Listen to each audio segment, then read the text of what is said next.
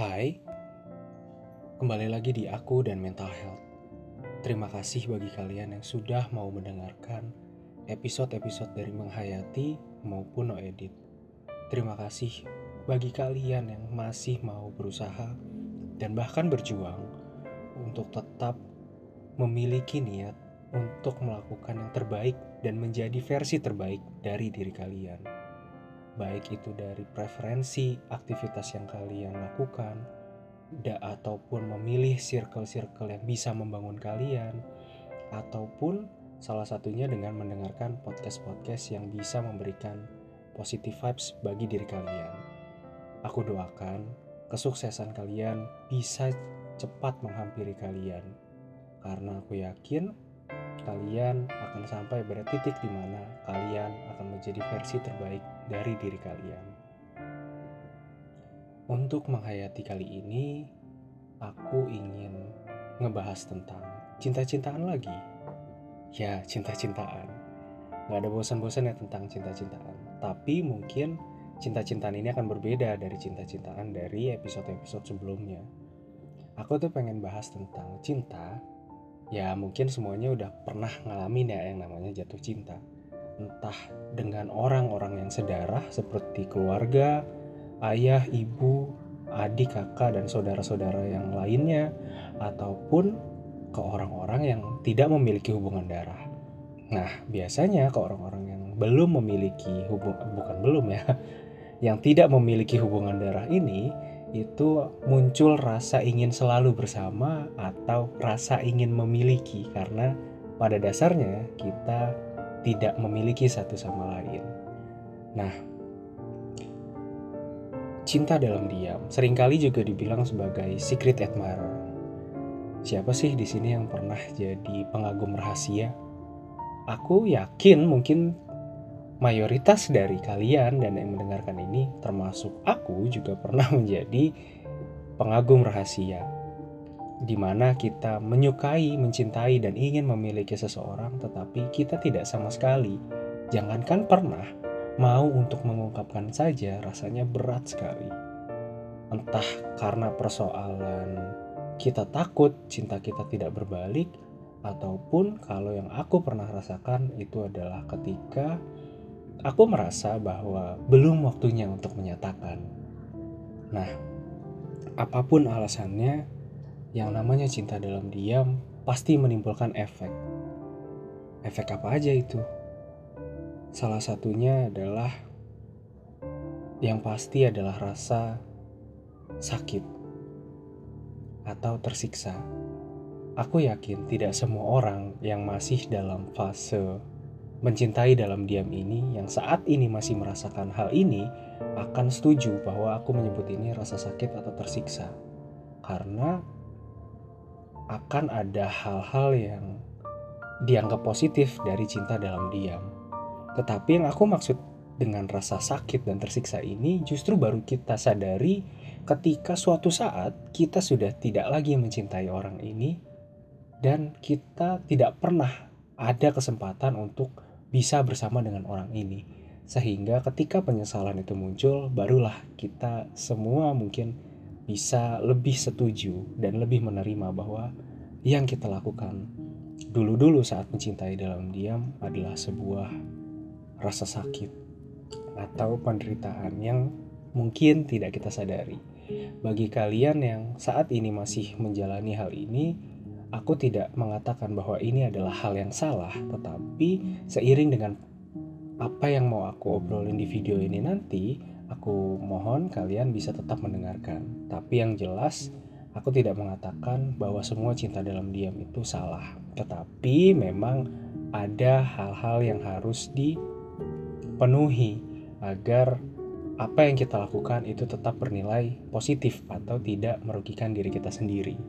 Nah, selain dari efek rasa sakit dan juga tersiksa, sebenarnya poinnya bukanlah rasa sakit atau tersiksanya ketika kita mencintai dalam diam atau menjadi pengagum rahasia, tetapi ketika memang kita sudah sadar bahwa itu adalah rasa sakit atau rasa yang menyiksa, sebenarnya rasa ini itu menjadi dua kali lebih dalam dibanding ketika kita menghadapi rasa sakit-rasa sakit karena perasaan yang lain gitu. Rasa sakit karena kita tidak bisa berbuat apa-apa di saat kita merasa kita punya kesempatan atau datang momentum untuk di mana kita bisa menyatakan itu pasti dua kali lipat. Jangankan dalam hal cinta, dalam hal apa pun, ketika kita melewatkan kesempatan, melewatkan banyak peluang, maka penyesalannya akan terasa lebih berat dua kali lipat dari yang ketika kita mencoba dan gagal. Karena kalau kita mencoba dan gagal, kita masih dapat pengalaman dan pembelajaran. Tetapi kalau kita tidak pernah mencoba, maka penyesalannya adalah kita tidak pernah mendapat apa-apa. Itulah yang membuat penyesalan menjadi lebih berat. Nah, itulah kenapa menjadi pengagum rahasia pasti rasanya itu lebih sakit bagi yang menyadari bahwa ini adalah rasa sakit. Nah, selain itu, mencintai dalam diam itu juga bisa semakin menguatkan rasa khawatir. Semakin lama kita memendam rasa ingin memiliki, tapi kita nggak pernah ungkapkan, maka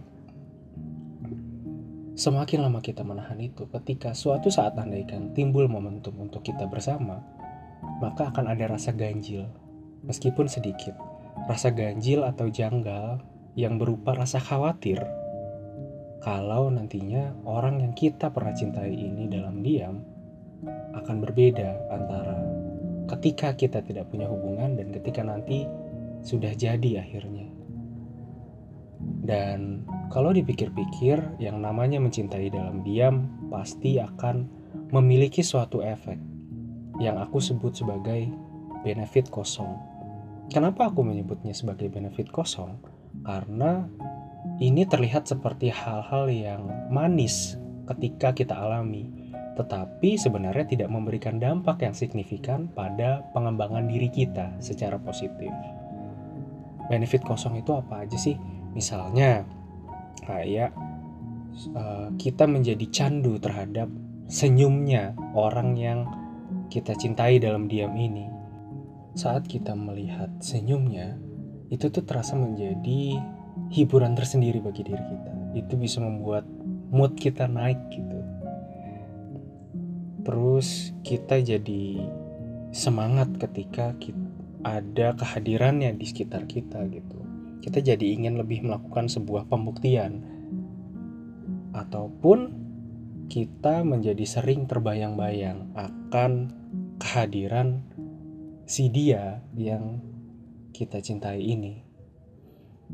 Kenapa aku sebut ini semua adalah benefit kosong? Contohnya adalah ketika kita suka melihat senyumnya, ketika kita candu, maka itu akan membuat kecintaan kita terhadap orang yang yang secara komitmen kita itu masih belum berani untuk menyatakan itu akan semakin besar. Dan ketika dorongan itu semakin besar untuk kita memiliki, sedangkan kita anggap sajalah tidak bisa untuk mengungkapkan terlebih dahulu atau tidak bisa berusaha untuk mendekatinya saat ini, maka itu akan semakin menyiksa diri kita.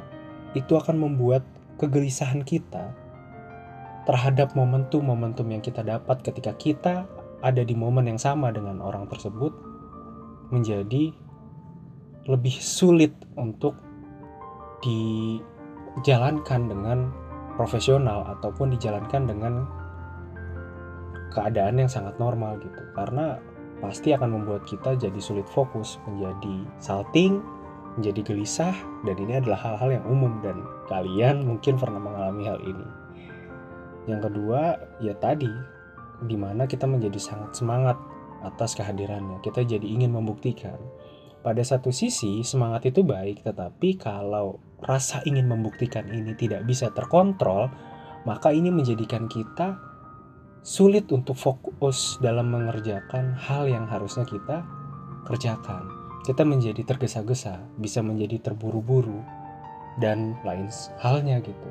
Termasuk juga dengan selalu membayangkan kehadiran si dia ini ketika ini terus-terusan kita jalankan maka aku yakin ini akan menjadi salah satu sebab dari overthinking kita di malam hari.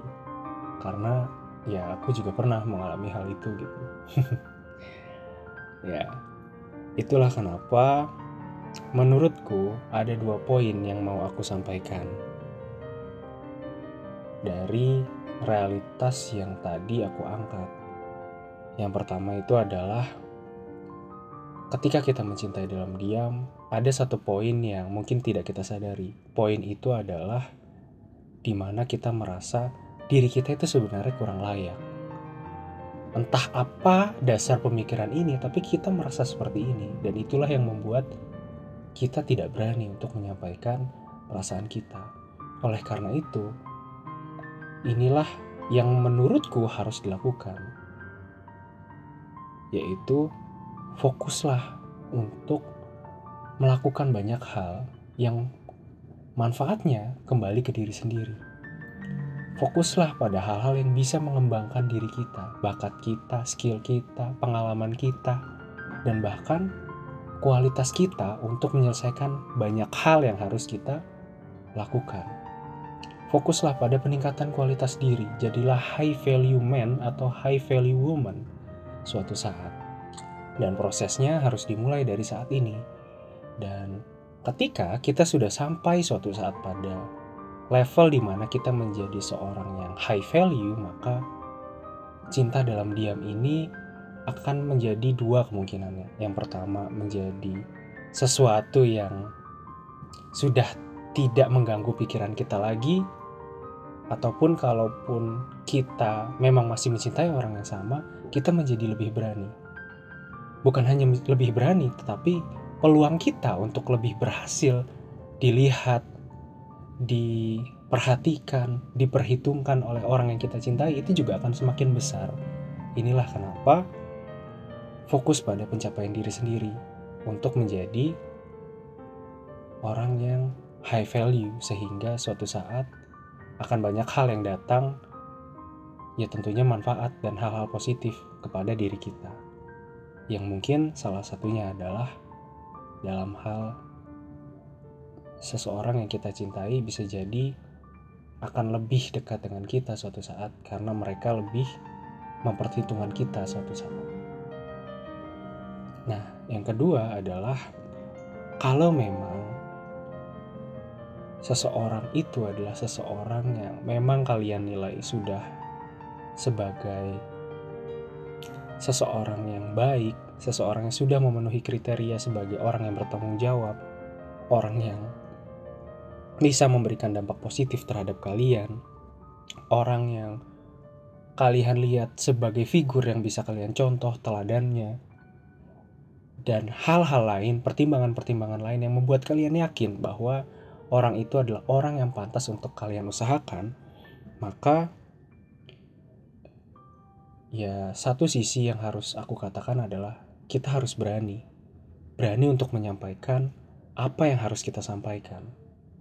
Karena jika kita tidak berani, maka kita hanya akan menjadi orang yang memiliki sudut pandang ketiga dalam kehidupannya. Orang yang melihat dia beraktivitas tetapi tidak disadari orang yang selalu mencintai dia, tetapi cintanya tidak pernah sampai dan dirasakan oleh dia. Keberanian bukan hanya sebuah kata, bukan hanya sebuah dorongan motivasi dalam diri, tetapi berani bagiku adalah sebuah kata ganti untuk beraksi. Berani berarti beraksi, tidak berani berarti tidak ada aksi. Itulah kenapa yang paling penting adalah sebuah aksi usaha dan tentunya melibatkan perhitungan, pertimbangan, apa baik dan buruk, apa dampaknya, apa manfaatnya, apa buruknya. Kalau kita berusaha untuk mendekati orang yang kita cintai saat ini. Dan tidak ada masalah untuk menundanya sampai kalian merasa itu siap. Tetapi usaha itu akan tetap ada kalau kalian ingin tidak terus-terusan menjadi seseorang yang menjadi sudut pandang ketiga dalam kehidupannya. Karena cinta dalam diam pada hakikatnya selalu membawa kesenangan palsu. kesenangan yang bisa jadi akan mengalihkan kita dari hal-hal positif yang harusnya kita fokuskan. Karena pada dasarnya kita tidak mendapatkan manfaat apa-apa dari mencintai dalam diam. Kecuali kita tetap fokus pada diri kita atau kalau kita yakin lakukan dengan resiko bahwa akan terjadi kegagalan. Tapi itu lebih baik daripada kita tidak pernah mencoba yang jelas-jelas lebih buruk daripada kemungkinan kegagalan. Dengan fokus terhadap pencapaian diri sendiri, kita bukan hanya bisa mendapatkan memperbesar peluang untuk dekat atau jadi dengan orang yang saat ini kita cintai. Tetapi suatu saat, andaikan dia bukan yang terbaik, maka kita akan didekatkan, akan menarik orang-orang yang lebih baik suatu saat ke depannya. Jadi, jangan pernah menggantungkan hidupmu pada satu orang, jangan pernah mau mendapatkan benefit kosong dari hal-hal yang tidak berani kalian lakukan. Pikirkan, fokus pada diri kalian juga karena pasangan kalian suatu saat pasti menginginkan versi terbaik dari diri kalian. Banyak jalan yang kita nggak ambil bukan karena jalan itu tidak pantas, tapi karena kita takut dianggap terlalu meminta. Terima kasih bagi kalian yang sudah mendengarkan episode ini. Sehat-sehat ya. Bye.